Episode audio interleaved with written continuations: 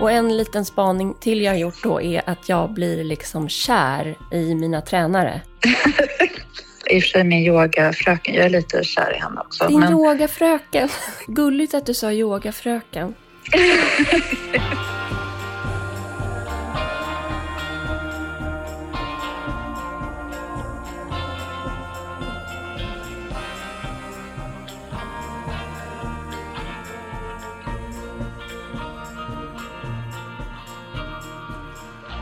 Hur är läget med dig? Det är bra. Vi hade sån himla härlig dag igår. Vi är på Fårö.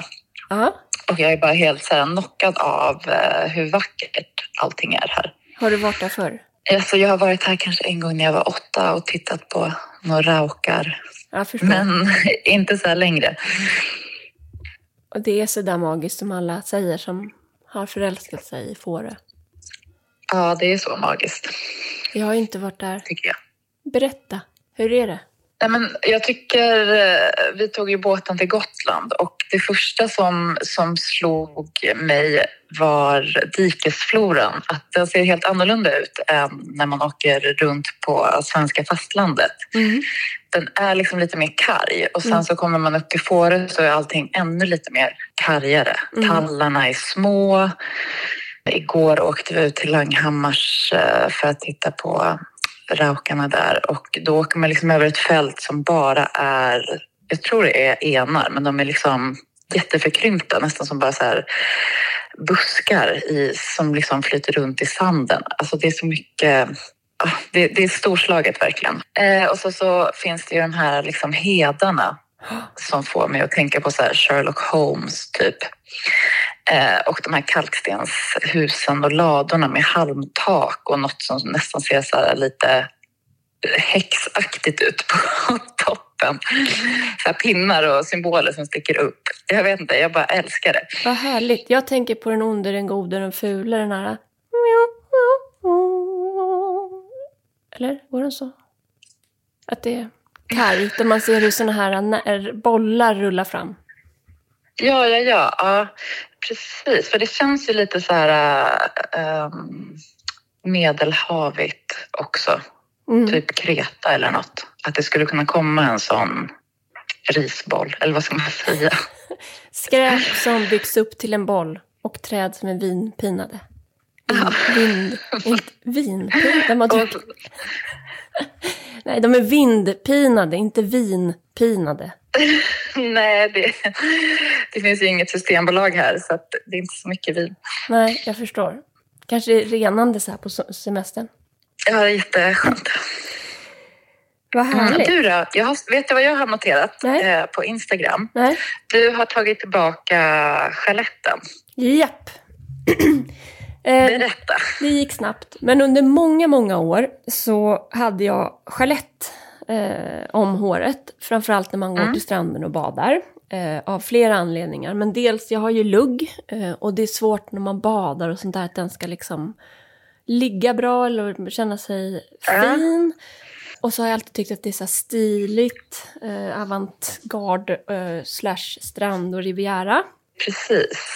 Just också för du knyter den liksom lite så dramatiskt. Ja, precis. Eh, Ingrid eh, kom ett inspel sen, min 13-åriga dotter, att jag såg ut som en punkare med tuppkam och var inte alls imponerad. Men det kan vi ta sen. Jag hade, jag hade en, Reality check. 24-7. Jag hade en stund där jag så fick många frågor då om den här skelettknytningen på, via Instagram. Och eh, till saken hör då att jag har gjort det här i många år och sen så förra sommaren kom jag ner och eh, med Jeanette som var, eller nej, utan Jeanette en dag. Och min strandgranne... Ja, på strandklubben. Och min strandgranne Karla som har liksom en ny bikini varje dag är flawless men ändå en genuin riktig person, alltså dessutom. Hon sa till mig, men gud så vacker du är Elin när du har utsläppt hår och inte typ huckle. och då, då kände jag så här att så viktig är inte sjal- skeletten för mig. Så sen, sen försvann skeletten. Men då när jag tog upp det här och, och postade, postade bilder på Insta så fick jag frågor om hur jag knyter den. Så man blev ändå inte kanske liksom rädd för att vara ful. Utan folk kanske har lite mer självkänsla än jag. Så då blev jag inspirerad, gjorde liksom en liten tutorial, kanske den enda i hela mitt liv. Eh, på hur Ja, man knyter kul. det där. Och det var kul. Och då när jag ändå hade håret där så bara, men gud vad härligt det är att ha det så här. Så nu, den är tillbaks. Men sen på, Ja, på, på kvällen... vad säger Carla? Nej, hon, hon känns väldigt trött faktiskt. Hon jobbar på förmiddagarna i sin sons tvålaffär. Så hon kommer ner i en jättefin bikini, tar av sig bikini så hon är topless och sen sover hon nästan hela dagen. Och Aldo, badvakten, som jag tycker väldigt mycket om, hans uppgift är ju hela tiden att se till att folk inte liksom bränner sig. Så han går och förflyttar hennes parasoll under, liksom medan solen förflyttar sig och hon bara sover och sover. Jag tror inte ens hon har noterat faktiskt eh, skeletten i år. Nej. Jag vet du, jag har också börjat med skelett faktiskt den här semestern. Jag kände att det blev Um eh, min semesterlook. Men då är det mer liksom skurgumman. Ja, Alltså enklast möjliga. ja men det är Mina också fint. barn och deras kompisar kallar mig för påskkärring. Ja. Men jag själv är inspirerad av eh, Johanne Aure som man kan hitta på Instagram som har liksom, hon är så danska och allt hon gör är så otroligt snyggt. Du och dina härliga danskor. Ja, Ja, då får jag kolla upp henne. Nej, men jag, jag tänker att eh, Jeanette kanske kräver sin dagsform. Eh, men jag blev inte, även fast Ingrid kom och bara, men mamma, alltså hon sa det inte på ett så här roligt sätt, utan, men hur ser det ut?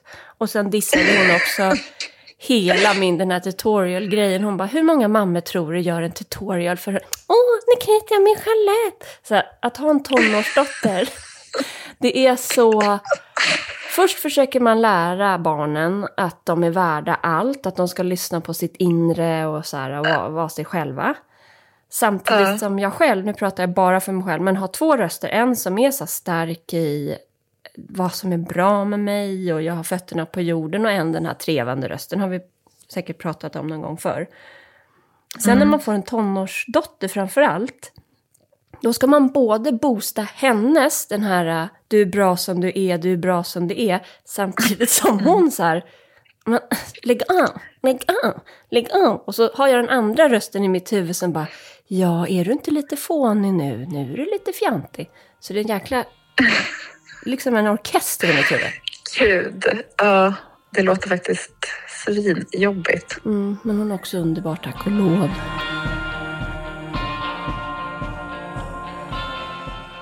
Men eh, Elin, nu har ju vi eh, båda haft semester ett tag eh, och jag har tänkt mycket på dig.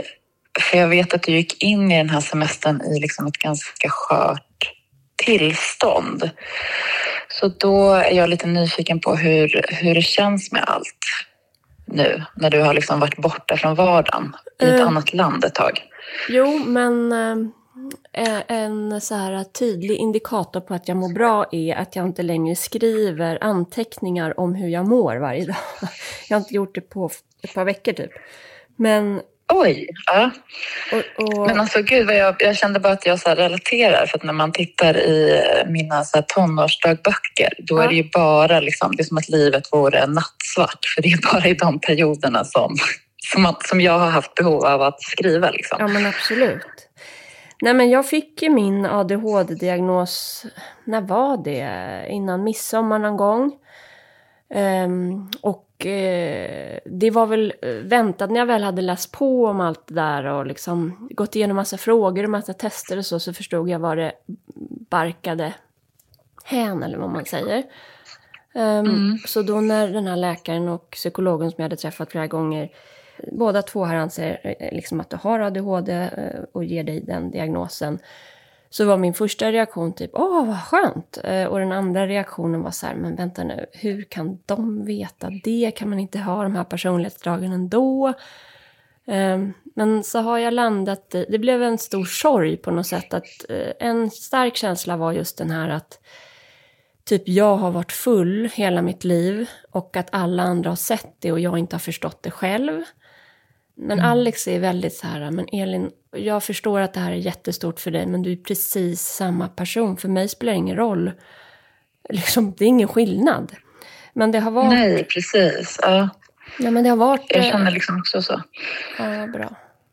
höll jag på att säga. Men ja, men det tycker jag nog faktiskt. Nej, men eh, det var en stor grej och, och, det är en pågående process. För det är också så här att då går jag tillbaks till hur det var när jag var yngre och vilka grejer kanske var signifikanta då utifrån ADHD-spåret. Då hade jag kunnat få någon hjälp med någonting och egentligen så kan jag inte se så här att jag hade, åh, ja men det där var typiskt för ADHD när jag var ung. Men det, den punkt jag kom till nu som vuxen och som har gjort att jag gjorde den här utredningen, det är ju att jag har kört på eh, alldeles för länge och eh, inte kan återhämta mig längre för att jag har en bebis. Mm. Eh, så att liksom antalet projekt, individer, blommor och djur som jag ska ta hand om, energipåfyllningen har inte räckt till. Och det var därför jag nu sa, men det är väl jättebra om jag om det nu är så att jag har det och det finns lite knep och saker man kan läsa på och även medicin som skulle kunna hjälpa mig att få mer en, en balans i livet. Ja, precis. Det låter ju jättebra egentligen. Ja. Eftersom det då kan bli så en lösning på ett ganska konkret problem. Ja, men jag tänker, jag tänker det. Men sen vet jag inte. Nu har jag börjat med den här medicinen. Det var därför läkaren sa att jag skulle skriva varje dag jag mår. För jag var liksom låg lite där innan när semestern började. Jag kände mig lite som en spillra av mig själv. Um, mm. Och nu känner jag mig mer som mig själv. Uh, så mm. just nu upplever jag mest att medicinen då i så fall gör mig stabil. Jag vet inte. Mm. Men en grej, mm. Kattis, som du har varit inne på, eh, som gör er absolut störst effekt, gissa vad det är? Gud, nu vet jag inte alls vad jag ska säga. Träning. Träning, ja. Alltså det är bättre. Det är ju min medic självmedicinering. Jo men alltså, det, det, det här är så sjukt. Och det känns som jag upprepar mig och börjar bli en sån människa som typ har glömt vad hon sa och säger samma sak igen. Men det är väl ändå för tidigt för demens när man är 40. Men, alltså träning har ju varit, jag, jag är en sån här, nu kommer jag tillbaks, jag känner, hela jag är på väg tillbaks. Därför att träning, halleluja, är det bästa som finns. Ja, och nu är du nere på att spela tennis typ varje dag eller? Ja, alltså eh, precis. Och eh, jag hade ju ett långt uppehåll under våren nu eh, och ansåg att ja, men jag lyfte så mycket sådana här kattskallar, kullersten och jord och sånt så att jag behövde inte träna. Men den här uh, injektionen av dopamin eller endorfin eller vad sjutton det är som kommer av ett riktigt uh. hårt träningspass. Alltså jag mår så bra, jag är så bra mamma, jag är så bra fru, jag är så, uh, jag mår så bra av det så jag bara, jag fattar inte hur det kan vara sånt motstånd om, man, om jag har haft ett uppehåll till någonting som gör att jag mår svinbra. Det är ju så. Jag har också haft så här uppehåll i flera år. Äh. Och det har ju aldrig lett till någonting bra. Alltså om jag tittar på i de perioder som jag har varit så här, äh, mått bäst så har, har jag alltid tränat tror jag. Ja. Och också så bra grej med kroppen och relationen till kroppen. Eh, jag känner inte så många kvinnor som är helt liksom, inte under sin tonår eller vuxentid har haft några issues i förhållande till kroppen. Själv har jag i alla fall haft det. Mm. Men när jag tränar... Ja, gud, ja. Du också? Ja, absolut. Men när jag tränar och använder kroppen så tycker jag om min kropp också. För att den inte bara är eh, som någon påse som förvarar min själ. Utan det är en funktion i den. Fattar du? Mm, precis. Om man vill ta hand om den på ett annat sätt liksom. Exakt. Typ så här, om jag springer för mycket och inte stretchar eller gör yoga så får jag ont i höfterna. Och så blir man så här lite snällare. Exakt. Så det, det är bara bra. Och en liten spaning till jag har gjort då är att jag blir liksom kär i mina tränare. Och då undrar jag om det är något medberoende eller om jag är galen. Men den första som jag har varit kär i det är Sara eh, som är tränare på SBR där jag tränar hemma, hemma i Sverige. Mm. Och det är inte, alltså hallå nu här, alla ni som ah, tycker jag är knäpp eller åh vad hon ska berätta mycket om allt. Jag menar inte en sexuell kärlek, jag menar ju en liksom en jag bara blir så inspirerad av hur man kan vara så dedikerad till just träningen och inte glömma bort den här uh, bonusen den ger. Um, mm. Hur deras kropp kroppar rör sig och det är något så supersunt, särskilt om det är i kombination, gärna kvinna, stark, också sund och härlig människa. Sådana blir jag lite kär i, för nu är jag kär i min tennistränare Francesca.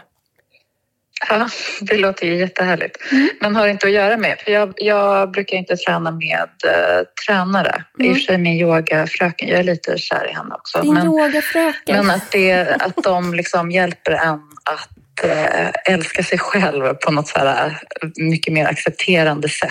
Exakt. Att det hänger ihop med det. Exakt. Gulligt att du sa yogafröken. Men det är ju ja, precis yogaguru. Ja, eller instruktör eller något. Nej, hon får gärna vara din fröken. Nej, men det är väl något med det där att de både är ens dealer i form av att de hjälper en få sin kick. Men mm, också, precis. jag behöver sådana som fattar kopplingen mellan kropp, knopp som fanns i KP, men, men liksom själen och hela kroppen. Att man att det är någonting mer än bara så här tysk liksom technomusik och typ lyft, tryck. Det kan också vara härligt ibland, men ja, jag är, du hör ju, jag är nykär. Ja, vad härligt.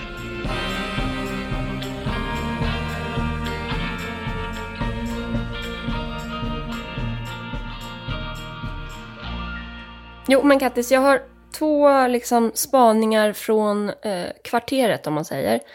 Och ja. Eh, jag ville bara dra Kvarteret då i Bordighera Precis. I, eh, på, på italienska rivieran för mm. alla er som inte vet vart Elin befinner sig just nu. Ligurien, ja. Jo, men då har jag upptäckt, det är lite paradoxalt för att det här är ju en region som på 50, 60, 70-talet liksom var meckat för blomsterproduktionen i Europa och världen, stora delar av världen. Men nu är, det, eh, nu är det ju Nederländerna som har tagit över den positionen och det står väldigt många förfallna växthus i slänterna. Och det är ah, typ... så romantiskt. Ja, det är romantiskt. Det, det... det är ju någonting med de här förfallna växthusen. Gud ja. Alex vill ju bara bygga konstgallerier överallt. Eller typ ja. produktion av saker. Ja, den delen älskar jag med honom, eller vår relation. Att man går... Off. Ett, tu, tre skulle ju något också sånt kunna hända. Att det plötsligt så här, att han har köpt ett växthus. Ja, gud. Hoppas. Ja, men hur som jag helst. hejar på dig, Alex. hur som helst så tycker jag det är paradoxalt, för jag har liksom lite svårt att hitta den bästa blomsterbutiken. Eller, det finns otroligt många så här för uteväxter, alltså gröna växter och blommor. Mm. Att plantera ut finns det ju väldigt mycket fortfarande, men så snittblommor. Dels är det en annan smak, men jag, jag har hittat en kille som ligger bredvid nagelstället nere. Han, han har bra grejer och han åker till marknaden typ mm, varannan dag och köper på sig. Men det, det jag mm. ser är att det är väldigt mycket torkade blommor. Och jag har mm. svårt att köpa, mm. att, liksom, att jag skulle köpa torkade blommor känns typ som att jag ska köpa död.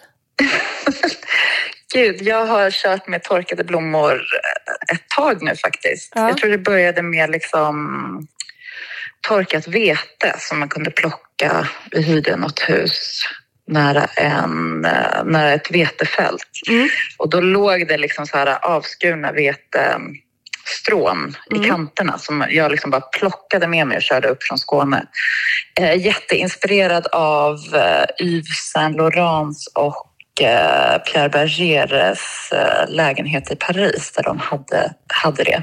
Ah, ja. Och sen har jag också gått runt och så torkat egna blommor. Så om jag är ute och springer och så springer man på jag kommer inte ihåg nu vad den blomman heter, men den ser ut som kamomill. Mm -hmm. Men den, är liksom, den har inte kamomillens egenskaper. Först hade, trodde jag att det var kamomill och tänkte att jag skulle göra så här eget kamomillte. Men eh, mamma tog ner mig på jorden. jag googlar här. Kamomill men ändå inte. Vad sa du? Jag googlade på kamomill men ändå inte. Nej, det... Kamomill växer inte fritt i Sverige har jag förstått det som, utan det är en, liksom ett annat ogräs.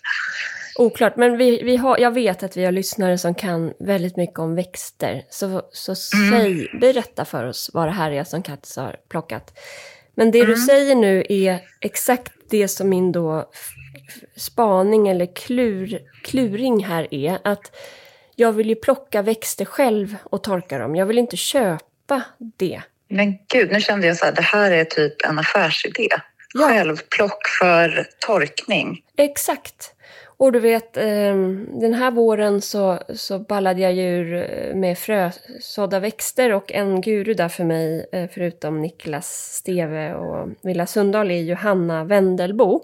Och hon har Ja. en fantastisk bok som vi pratat om förut.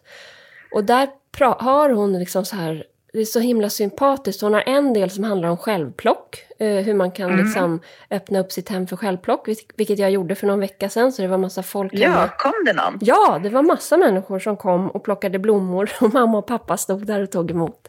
För de är Men husvakter vad hemma. mysigt. Det tyckte jag om. Ehm, och hon har också en del som handlar om eterneller och hur man torkar blommor. Så att jag, Ja. Jag ska nu inte balla ur på det här området, men det vore härligt att, att plocka lite och torka saker. Ja, gör det. Alltså, jag, det finns ju en dubbelhet. Vi som är uppväxta på 90-talet, Mm. eh, då var det ju mycket torkade rosor, potpurri Exakt. var ju stort. Vi hade små glasburkar med potpurri hemma Mm. hos oss. Eh, och, och det är lite grann som de här liksom svampade väggarna som ju har kommit tillbaka fast i form av liksom kalkfärg. Mm. Så jag kan absolut se att så här, potpurri är nästa doftljustrend. Ja, Jag vet inte hur man gör det själv, men det känns också som en så här, DIY man skulle kunna göra och säkert få till det på ett snyggt och härligt sätt. superekologiskt. Ja, precis. Verkligen. Det Men- finns liksom en ny drivkraft bakom hela den här rörelsen. För det, så är det ju också med de torkade blommorna. Det handlar ju väldigt mycket om att här, inte behöva köpa snittblommor från Argentina under vintern utan Exakt. att man kan ha levande, eller de är ju uppenbarligen inte levande då, men, men eh, blomsterprydnader inne även vintertid utan att det blir så mycket utsläpp. Precis, och där är det ju då mysigt om jag nu kommer hem. Jag tror inte att tyvärr jag kan torka typ något jag har odlat. Jo, Nej, det måste, det måste man ju verkligen läsa på. vad heter det? Sån här lila... Hallå? Som man vill ha hav av. Ja. Förlåt. Som är överallt här. Lila, eh, luktar jättegott. Man kan ha i såna där påsar. Ja, lavendel. Hallå? Det har jag hemma. Du menar lavendel? Ja, Ja, gud. Det är jag så, också så sugen på att göra. Eh, Jag, var, jag har liksom gått och tänkt att jag ska göra det i några år men jag har uppenbarligen ingen tid för något. Eh, Men eh, egna lavendelpåsar att ha i alla skåp och lådor. så mysigt. Så himla mysigt. Ja, jag tycker nästan att det räcker att bara prata om det här. Så känner jag att ett behov är tillfredsställt. Att man skulle Ja, kunna precis. torka blommor. Och typ så här, gå och dra med handen i en lavendelbuske och det bara så här, äh, slår över en. Hela Ja. den doften. Ja, ja. Åh, gud vad härligt. Mm. Längs med den här rundan jag går så hänger det ju ner så här, morgonrundan här eh, utan, ja, i anslutning till Gamla stan så hänger det ner rosmarinbuskar. Alltså ja, det häckar av rosmarin. Det är ljuvligt. En sista sån Ja. örtspaning eh, är att, eh, eller eh, nej, det är ingen spaning, utan jag vill bara berätta att jag har torkat, eh, vad heter det, salvia. Och eh, Oh. eldat det och gått runt i, när vi kom, för vi har hyrt ut lägenheten. Och Mm. alla liksom som har hyrt har varit, lämnat eh, lappar och det har varit härlig energi och så. Men jag fick ändå för mig, också i den här processen jag går igenom, att det här med att elda lite eh, salvia och gå runt i rummen eh, var en bra grej för att få bort energi. Ja, man älskar ju så här ritualer. När Ja. jag bodde i New York så var det liksom... Ja, men det är hela den här ny eh, spirituella eh, rörelsen som, där man ska liksom läsa tarotkort och Ja, ja, ja. prata med andar typ.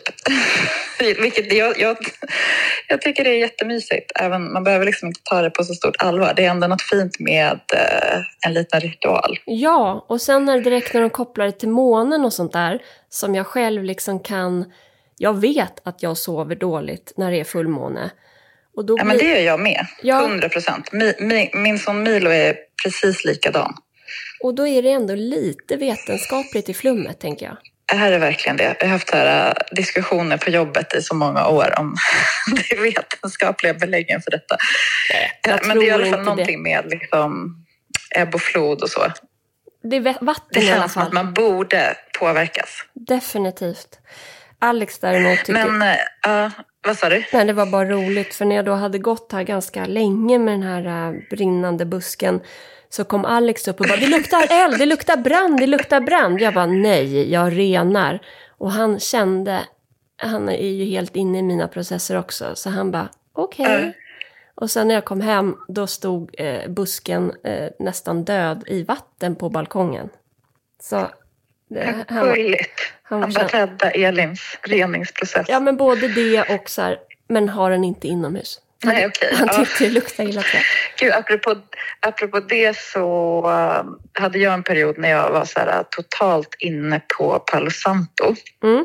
Det är då så här ett träd som växer i Brasilien som också ska ha renande effekt. På att elda det så mycket och sen så bara så här började det lukta så fruktansvärt illa. Mm. Jag höll på att kräkas av det nästan. Jag var, tvungen, jag, jag var liksom tvungen att så här gömma upp, gömma det i något skåp hemma och jag kunde känna det ändå.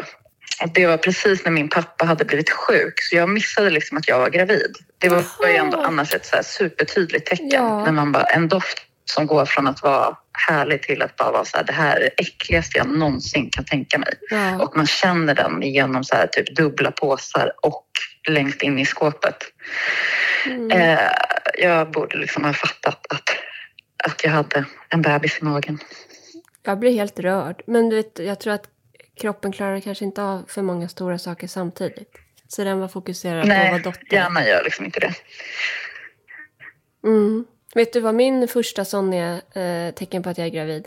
Nej, Att jag vill äta avokado med soja. men gud vad gott. Det vill jag äta typ varje dag. Mm, det vill inte jag, men så fort jag är gravid, det har stämt varje gång.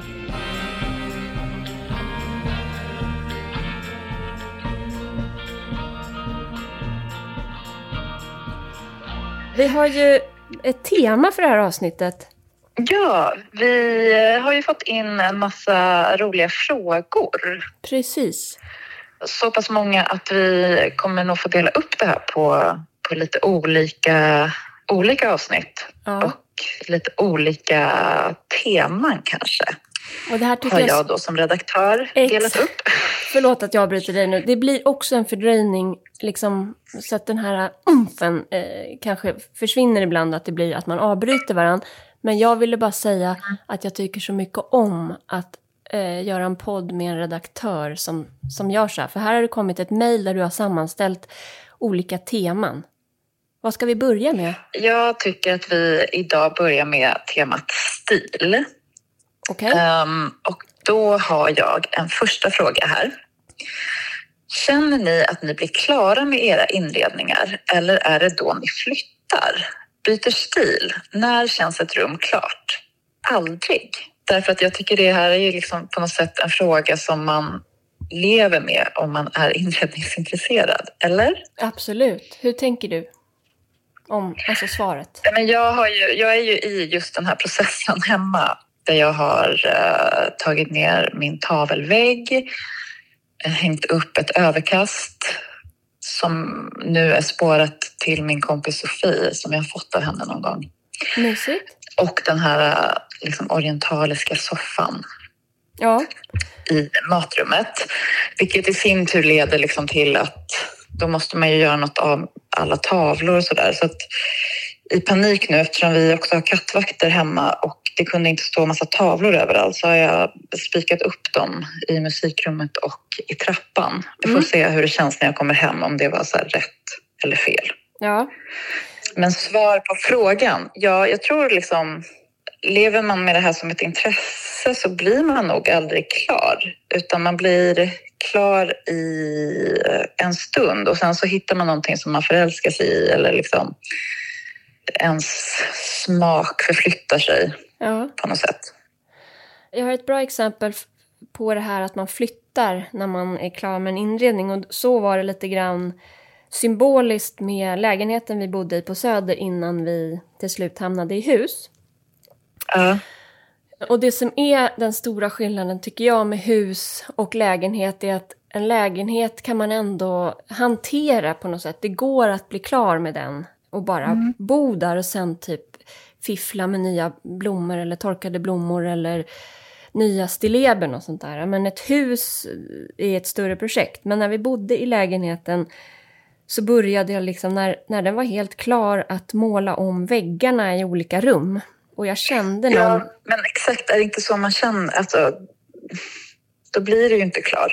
Det är så här, man bara, nu är den perfekt, men det är tråkigt. Exakt, det är tråkigt som kommer. Men jag blev ändå inte stillad av att jag gjorde om det och max ändrade. Och, alltså, det blev liksom inte...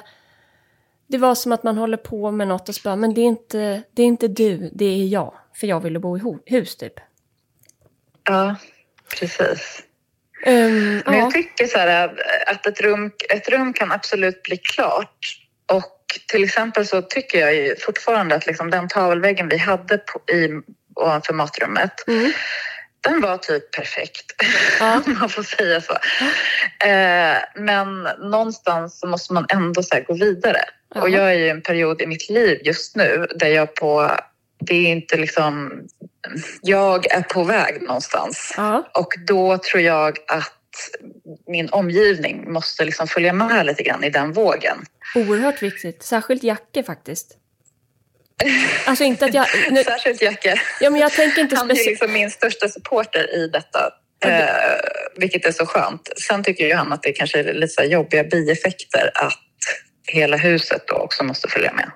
Jo, men, men han jag... är nöjd så länge vi inte flyttar. För att han vet att jag också kan Dra det hamna där. Kortet.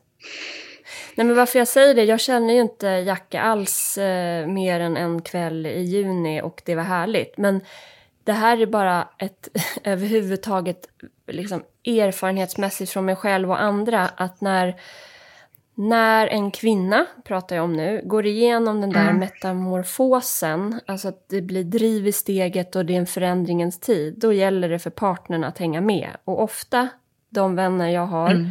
Så brukar mannen vara lite mer fat and happy och lite långsammare och inte fatta det där. Ja, ja. Alltså Jackie har ändå kommit till insikt i att han pratar om sig själv som liksom typ en finlandsfärja som ska vända. Att han måste liksom, det tar lite längre tid för honom. Ja. Som nu på semestern när vi bara är på så olika ställen och jag bara, ja så borde vi ha ett sommarhus här. Nej, vi borde ha ett sommarhus här. Nej, vi ska göra det här och det här. Alltså, ja. Han har lärt sig att leva med det. Så han behöver inte vända Finlandsfärjan förrän det blir allvar. Nej, det kommer ju av många år tillsammans. Ja, verkligen. Men då gäller det att vända den?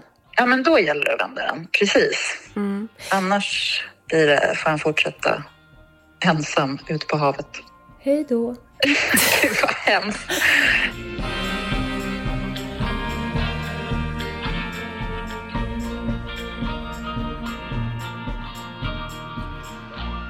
Tillbaks till den här frågan bara, så tycker jag visst att man... Då att jag liksom blev klar med lägenheten på något sätt och ville flytta till hus. Men om jag tittar tillbaka som här i Italien så har vi liksom en grundmöblering ungefär som jag tycker är mysig och jag kan känna att den är klar och kommer kunna vara så här jättelänge.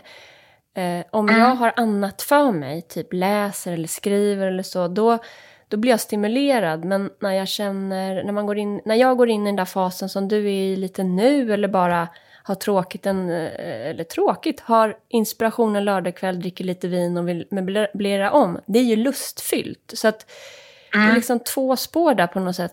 Jag tänker ju äldre man blir, desto mer så etableras någon slags så här äh, funktioner och att där står soffgruppen och där är sängen för den är riktad mot fönstren när man ser ut och så vidare. Men att fifflet alltid kommer pågå, i alla fall hos mig, för att jag tycker det är kul.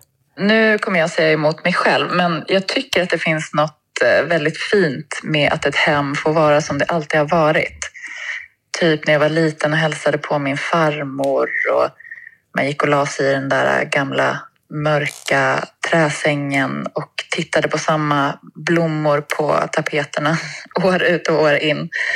Ehm, eller det finns en stylist som jag gillar jättemycket som heter Linnea Salmén. Mm. Och eh, hon är liksom otroligt bjussig på sina stories, framförallt på Instagram. Mm. Jag är liksom så kär i hennes familj. och hennes föräldrar, hemma hos hennes föräldrar så är det, liksom så här, det är någon gammal påse som har hängt på en tavla i 20 år. Det är liksom, ja, men saker är som de alltid har varit. Ja. Och det är inte äckligt utan bara, bara härligt. Vad mysigt. Så någon gång tänker jag, det kanske är som du säger att med åldern så, så kanske man liksom, när man själv slutar att förändras så mycket så kanske ens hem också gör det. Eller jag vet inte. Nej, jag vet inte heller, men jag, det där tycker jag är något jag strävar efter. Alltså det är ju den slutgiltiga positionen ändå jag letar efter. Alltså, alltså att jag håller på att försöka fullända någonting. Och då tror jag dels att det har att göra med att vi flyttade en del när jag var liten. Jag har inte bott på samma ställe eh, hela min uppväxt och sen flyttade jag hemifrån. Och, och, så att jag tänker att det där som du nämner också, att det är något fantastiskt med att allt är precis som det har varit. Det tror jag att jag, eh, men jag liksom någonstans drömmer om att jag vill skapa den platsen. Det är någon, något tryggt. Ja, men jag tänker att det kanske är så här, det ultimata som du sa, att i, i liksom, med Italienhuset som man inte lever i hela tiden, att det kan få vara den platsen. Ja, men kanske. Att kanske. det är liksom en, den, så att den trygga tillflyktsorten på Ja, något sätt. precis. Och sen så det andra är liksom mer levande. Ja, sant. Ja, okej, så det kanske inte var ett svar, men det var reflektioner på frågan. Mm, precis. Ehm, sen har vi fått en fråga kring barnrum och hur vi tänker kring det. Mm. Jag känner liksom att mina barn är så pass små att ja, men det är precis senaste typ halvåret som Milo har kommit med sina Pokémon-affischer och sätter upp dem. Innan har jag fått bestämma ganska fritt. Ja. Och du vet vad Ja. som gäller nu? Ja, alltså det är fortfarande liksom jag som har, har skapat en bas. Mina barn delar rum och har en våningssäng nu. Eh, Men det är jag som liksom har valt så tapeter och ja, grundmöblerna. Jo, men sen är det ju bara låt honom. Ja, precis. Jag har ju liksom, när det gäller mina barns kläder så har jag eh, bara släppt på... Alltså jag tycker det är så fint med så här, eh, familjer där barnen går klädda i små linnebyxor och vita t-shirts typ. Mm. Men det är inte min familj. Nej. Det är liksom fotbolls, fotbollströjor. Eh, och Hilma är så extremt picky med kläder. Och jag antar att det här kommer liksom sprida sig till barnrummen sen. Men var det du som sa till mig att det är så bra för deras självkänsla att få välja själva? Eh, jag har sagt det, men jag vet inte om jag har sagt det till dig. Men det är Hur just tänker det. du? Du som har liksom barn i från 1 till 22 eller vad det är. Ja, eh, nej, jag tänker så här att eh, eh, eh, så länge jag smider medan så att säga järnet är varmt. När barn är pyttesmå, då kan man få bestämma allt. Eh, och jag tycker det är asmysigt att klä Olle som en liten italiensk farbror. Jag bara myser, jag tycker det är härligt. Men, och det gjorde jag exakt med Ivar också. Det är hans garderob typ som Olle nu liksom bara steppar in i. Eh, Men sen kommer det där av sig självt ju. Nu pratar vi kläder och kanske till och med frisyrer. Ivar har ju långt, långt hår som han har varit bestämd med länge att han vill ha. Eh, Underbart. Det är jätte- Jag älskar ju långt hår på Ja, män. det är jättehärligt. Men det kommer en punkt när de själva säger så här, jag vill ha så här nu och jag vill göra så här. Och då eh, får, man, får jag bara så här andas. För just kläderna, när, eh, Ivar, du är världens vackraste eh, människa. Vi kanske inte, jag tror inte heller att han lyssnar på min podd faktiskt, men vi kanske inte delar liksom kläds... Alltså, han och jag har olika åsikter om kläder just nu. Men han mår bra av att få uttrycka sig med sin stil. Då måste han bara få göra det och jag får bara vara tyst. Ja, Och det verkligen. gäller barnrummen också. När de är små. Jag, jag älskar eh, att skapa liksom barnkammarstämning egentligen. Eh, om, det, om det gick... Förra i lägenheten, det var det optimala barnrummet. För det var jättestort. Eh, och då delade Ingrid och Ivar eh, ganska länge. Och det fanns liksom ett pysselbord där de kunde måla och det satt ringar i taket för att kunna hänga och det var heltäckningsmatta för att det skulle vara mjukt och dämpande mot grannen under. Mm. Det var liksom barnkammare. Eh, jag tycker om att inreda barnrummen. Hur har du gjort? Mm. Nej, men jag tror, alltså en viktig grej för mig när det gäller barnrum och även barnkläder, det är ju att man kan hitta allting second hand eftersom det är sånt som oftast, i alla fall så länge de är tillräckligt små, inte slits Exakt. så värst. Eh, Så det är väl egentligen så det bästa tipset. Mm. Vi har en blommig tapet som just Hanna Wendelbo har eh, designat för Midbeck. Mm. Lite så arts and crafts-aktigt.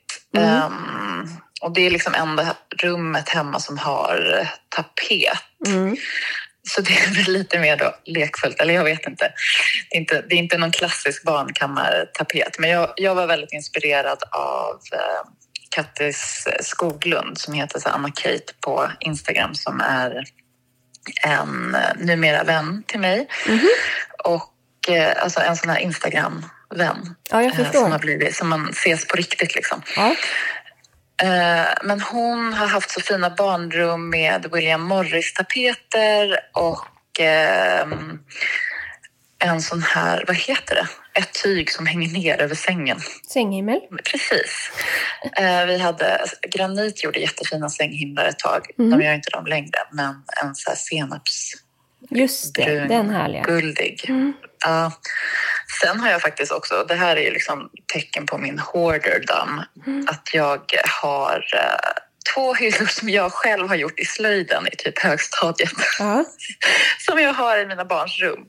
gulligt. Eh, ja, men det är gulligt. Det är faktiskt gulligt. Det är så här, jag vet inte, det känns fint på något sätt. Jag har en John Bauer-tavla som jag också tittade på när jag var liten. Jag älskar det liksom. Och så har vi några nedärvda gamla kistor som är bra för att bara få undan grejer. Så här Det är viktigt i typ. barnrum.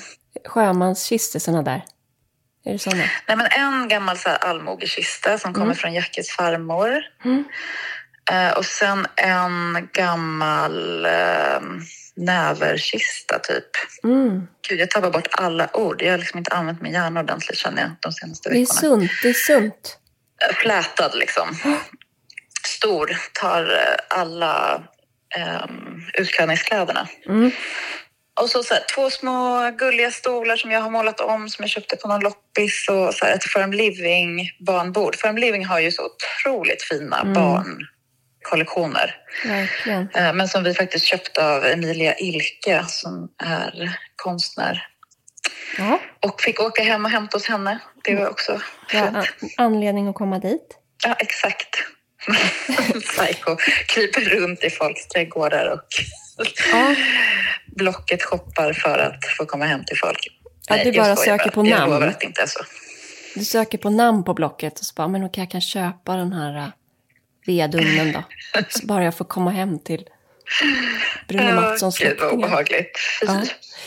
Ehm, jo, men när jag tänker på det här du pratar om tapeter i barnrum så är det en återkommande, eller en gemensam nämnare, för det är precis så jag har gjort också. I förrförra barnrummet eh, som Ingrid hade, då var det den här eldblomman från Svenskt Tenn. Och den Ja, var innan jag började jobba där, men i röd, den röd, finns i röd och en blå nyans också. Supermysigt. Och då hade jag, då var det knalligt där inne liksom. Nej, var det, det var nog den gula nyansen. Det var den gula nyansen som hon hade. Ja, det är den röda man, brukar, man tänker på Ja. först. Men den finns i gult Ja, också. Ja. det var den jag tog. Nu skulle jag ju Ja, den. fint. Lite mer harmoniskt just i ett sovrum, tänker jag. Precis. Rött. Alltså, vi har ju liksom rostiga toner i den tapeten i min, mina barns rum. Men den där eldblomman är ju så starkt röd. Ja, den är, den är ljuvlig faktiskt. eh, Men eh, Mm. den gula, det blev liksom harmoniskt med den. Sen Mm. i Olles barnkammare nu i huset, då har vi en Fornasetti-tapet med fiskar på. Um, jättestora fiskar. Eventuellt eh, kan han ju få mardrömmar av dem, men de, jag tycker de ser snälla ut. Jag tycker de skapar karaktär. Alltså det är det som händer med en tapet. Det blir något, i alla fall tycker jag om det i barnrum, att det blir ett, eh, jag vet inte, liksom en, en liten värld. Ja, precis. Det är det. Det blir liksom som att barnrummet kan få... Alltså, fantasin kliver ut ur rummet på något Ja. sätt. Det, det bjuder in till, till en fantasivärld. Och jag, Mycket vill, tydligare än målade väggar. och jag vill att Olle ska bli marinbiolog nämligen. Så därför så tänker jag om vi börjar redan nu så kanske det är där han hamnar. Jag, vet du vad jag tänker? Nej. Fiskarna är ju så här, den nya ugglan eller den nya snäckan trendmässigt. Såklart. Eh, det är så spot on trend. Alltid utan att ha noll koll på det. Eh, eller så kommer jag direkt efter. Men, men en annan, om om man ska prata lite barnrum och praktiska grejer så har jag Ja. två tips. Ett, det är att om det får plats, även om rummet är litet, för prioritera att få in en 1,20-säng. Mm. Eller två sängar om nu som dina barn delar rum. Därför att det är så skönt att kunna sova okej i barnrummet, även som vuxen. Ja, vi har ju vi har köpt en um, våningssäng av eh, mina grannar och då är det faktiskt 1,20 på bottenslafen Mm. där Hilma sover. Det, det är verkligen ett bra tips. Jag hade så här skuttsäng som jag sov i, du vet som man kan dra ut och dra in. Eh, Sån hade Ingrid eh, i det första barnrummet för att jag tyckte det var gulligt. Det var en idiotidé eftersom jag sov själv där typ hälften av tiden och knappt fick plats. Så det tycker jag inte. Fokusera på bra sömn eh, och sen en liten fåtölj som man kan sitta i och nå ner. För nu har ju vi en spjälsäng också till Olle i det där rummet. Så man kan sitta i och nå ner med handen till kroppen. Så man slipper stå böjd. Alltså det är ju verkligen så jobbigt. Nu, det har jag ju liksom förträngt. Med Milo hade vi en spjälsäng. Mm. Och gud vad man liksom bara stod. Alltså typ ett tag så står man ju och försöker trycka ner tuttarna i den där spjälsängen. Mm. Liksom, när man bara är så här, du ska sova i egen säng. Mm. Alltså det är ju hemskt. Jag vet inte om jag tycker att spjälsäng är den bästa Nej. sorten. Nej, och sen det där är väl bara eh, nu... Eh, alltså, barn. Det finns inga 15-åringar som sover i sin mamma och pappas säng. Behöver de sova nära så är det bara att de gör det. Eh, men däremot så kan det vara lite skönt typ mellan så här, när Olle går och lägger sig eh, tills vi går och lägger oss. Att han ligger i sin säng utan att, att han kan ramla ner så vi kan typ kolla på serier. Ja men verkligen.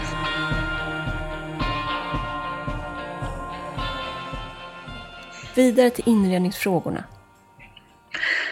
Ja, vi lämnar barnrummet där. Jag vill också slå ett slag för att liksom inreda i barnens höjd så att de når allt som, de vill, som man vill att de ska nå. Ja. Så att de blir lite mer själv, de ska vara självgående i sitt eget lilla universum. Liksom. Yes, annars är det exkluderande arkitektur. Verkligen. Okej, här kommer en äh, jätterolig fråga. Mm. Vad är det fulaste ni vet rent inredningsmässigt? Och jag vet precis.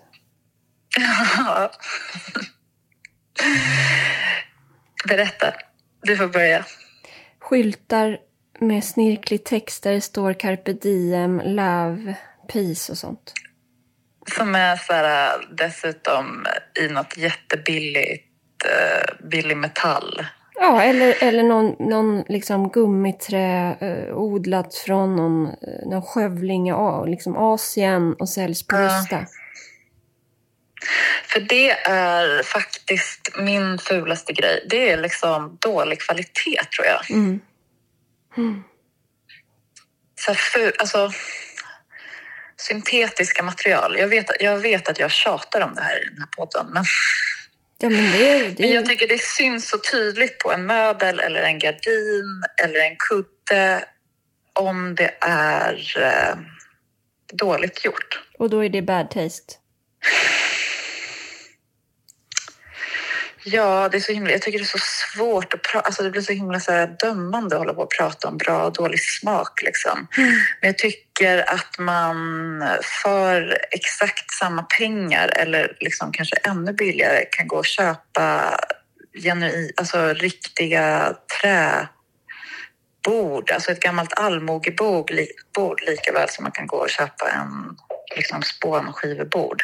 Ja, och jag har ju en tendens att vara eh, liksom eh, rätt fram och hård. Men det är ju också Ja. för att jag tycker ju om er som lyssnar. Jag vill hjälp mig att hjälpa er. Så tänker jag. Alltså, det vi... om man inte är super... Alltså man tycker om att ha det mysigt hemma men är, eh, inte vet hur man ska göra det eller så inte har tänkt på det och ska köpa mm. ett nytt matbord eller ska köpa nya gardiner eller någonting sånt så är det ju just så här, våga prova Blocket och liksom auktioner eh, för att och få in så här, eh, genuina material. Precis. Det här tycker jag också. Vi, vi har fått en eh, fråga som jag har sorterat in under temat eh, renovering slash göra om. Men eh, vi kan toucha vid den mm -hmm. nu. Frågan är då, den handlar om att eh, inreda på, på en budget. Mm. Och eh, vad tycker vi är värt att lägga ner mycket pengar på och var kan man spara in? Och då tycker jag att, att liksom ska, det, här, det här handlar om, om, det är inte riktigt budget, men, men i, det, i det långa loppet tycker jag det lönar sig till exempel att lägga in ett plankgolv eller liksom... Jag tror man kan säga, jag har sett folk som lägger in fiskbensparketter men med liksom restmaterial så att de inte är perfekt färgade. Men det är ändå liksom en genuin parkett som känns när man går på den. Mm istället för att lägga in så här plastmattor som ska se ut som trä. Ja, det här är ju om man äger sitt boende. Det är det absolut. Det är om man äger sitt boende. I hyresrätt så får man ju jobba med, eh, med innehåll, alltså med själva inredningen. Helt enkelt. Ja, för, för den här tjejen hon skriver att hon försöker inreda två lägenheter. En i Stockholm och en äh. liten på Rivieran med en studentbudget. Alltså jag älskar, jag älskar ambitionerna här. Men eh, mm. det är inte helt lätt. Min sista fråga är därför, vad tycker ni är värt att lägga ner mycket pengar på och vad kan man spara in? Och du är inne på det här med eh, naturmaterial. Mm. Jag, jag, måste ju slå ett slag för textilier. Att lägga pengar på textilier, för det kan flytta med. Det kan inte en vägg Det kan inte golvet. Nej, Nej, golvet kan inte det och det kan inte en väggfärg eller en tapet. Men lägga pengar på textilier. Det kan också vara eh, second hand. Men... Där vill jag bara, ja precis, för jag tror liksom det är svårt att förstå ibland. Vi lever ju liksom i ett samhälle där väldigt mycket är väldigt billigt och ja. kvalitetstextilier är ju fruktansvärt dyrt. Verkligen. Eh, kan det bli.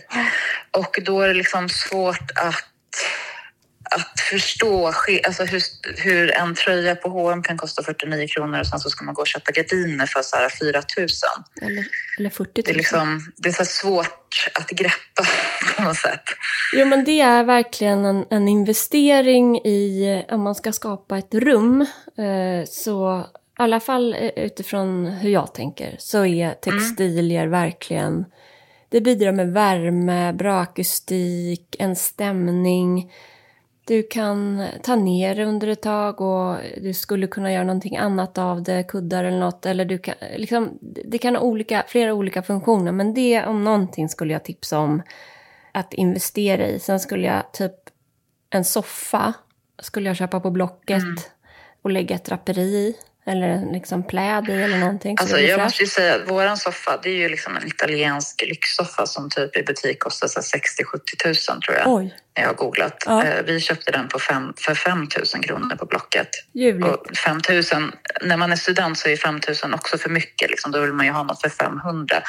Men det finns, det finns chans att uh, fynda. Gud ja, vi har två Dux-fåtöljer i bibblan hemma som jag köpte dödsbo, 500 spänn från Dux, som jag älskar. Och här tror jag att det finns... Ja, det är ju liksom ett jättebra... Om man, om man liksom ställer in sökord så är Dux ett jättebra sökord för just vintage fåtöljer och soffor. Mm. För det är väldigt bra kvalitet. Ja, verkligen. Jättebra. Eh, så att, eh, som en soffa som kan kosta mycket pengar, där kan man då dra in tycker jag. Och liksom, ja, jag vet inte, säng är ju bra att ha bra, men när man är ung så pallar man ju sova ganska oskönt. Jag tycker också så här, vi har, vad heter den, Stamnes från Ikea eller något sånt. Ja. Jag tycker den, varje gång jag kommer hem och varit borta så tycker jag alltid att det är skönt att lägga mig där. Ja, det är mysigt. Mm. Mm. Men eh, tillbaka då till det fulaste. Jag vill höra mer från dig, du frispråkiga kvinna. Jag får alltid uh, numera lite ångest efter att jag varit frispråkig. Men det var egentligen det eh, jag tog mod till med att säga. Att sådana här skyltar, det går Ja. inte. Eller liksom shabby chic. Den är ju svår. Nu måste jag säga att jag typ kollade på en bild på min egen Instagram från mitt hem som då är i omgörning Mm. och kände så här, jag bara, men gud, det här är ju ett shabby chic hem. Eh, Men skillnaden mellan, alltså linjen går ju någonstans via något som är nyproducerat men ska se gammalt ut Exakt. är lika med shabby chic. Mm. Och något som verkligen är gammalt och ihopmixat på ett, i alla fall enligt mig, härligt sätt är mer liksom italiensk landsbygd. Ja, verkligen. 100 procent. Men det är just att köpa produkter som är nyproducerade som man har liksom slängt på lite och filat av lite för att det ska se nött ut. Det är inte genuint. Nej, genuint, fint, fake, fult. Om vi Exakt. ska hårdra. Det gäller ju också människor Ja, faktiskt. verkligen.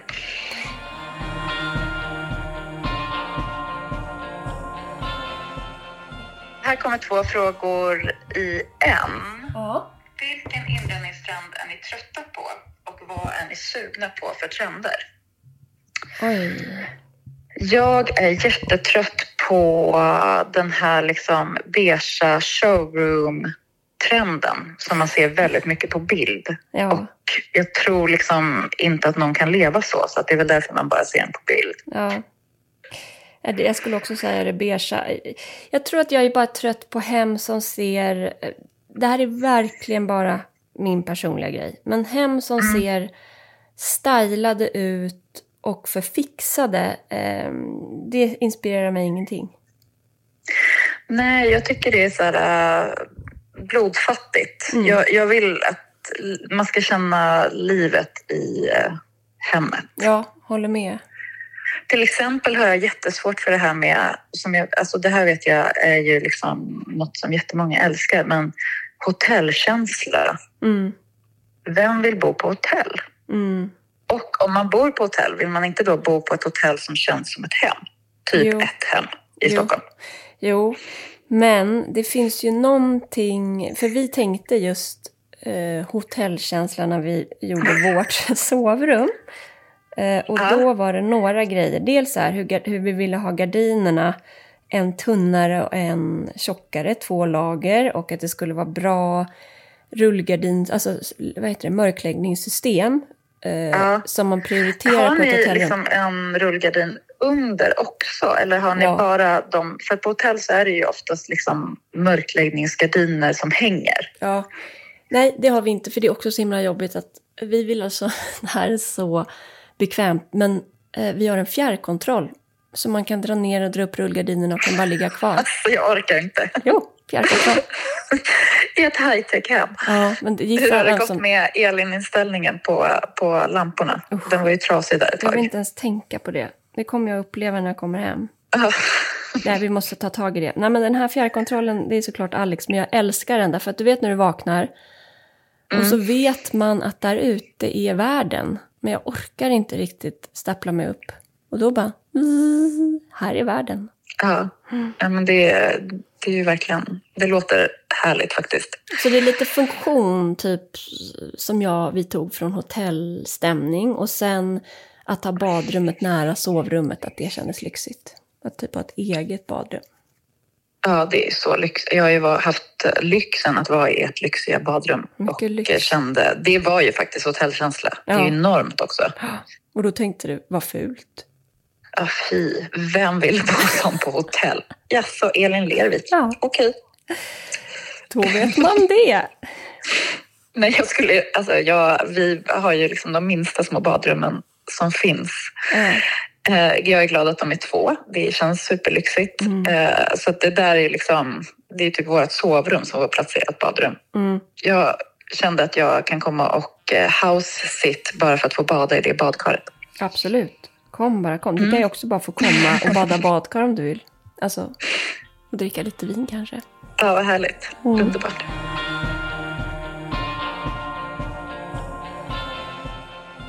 Vad är du sugen på för trend då?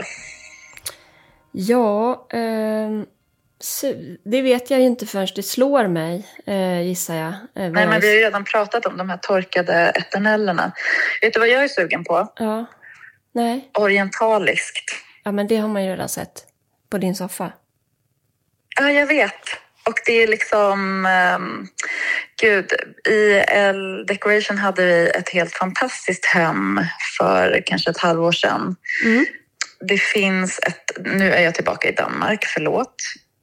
Nej, du, Alla vägar leder dit. det kommer vara så. Men eh, Grigst som gör smycken Mhm. eh, och även eh, de här fantastiska liksom, eh, Snäck-kollektionen i porslin för Royal Copenhagen Mm.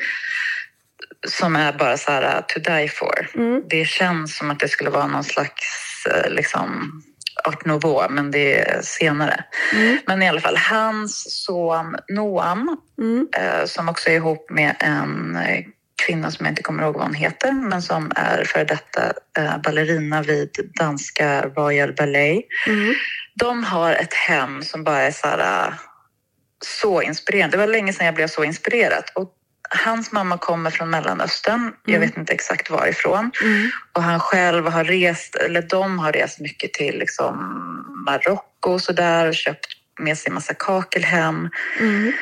Men det är det här ganska liksom ornamenterade Mm. men på ett lite mer eh, stiliserat sätt. Alltså det ska liksom inte vara så här... eh, När var det man ville ha turkosa väggar och jättemycket mönstrat kakel?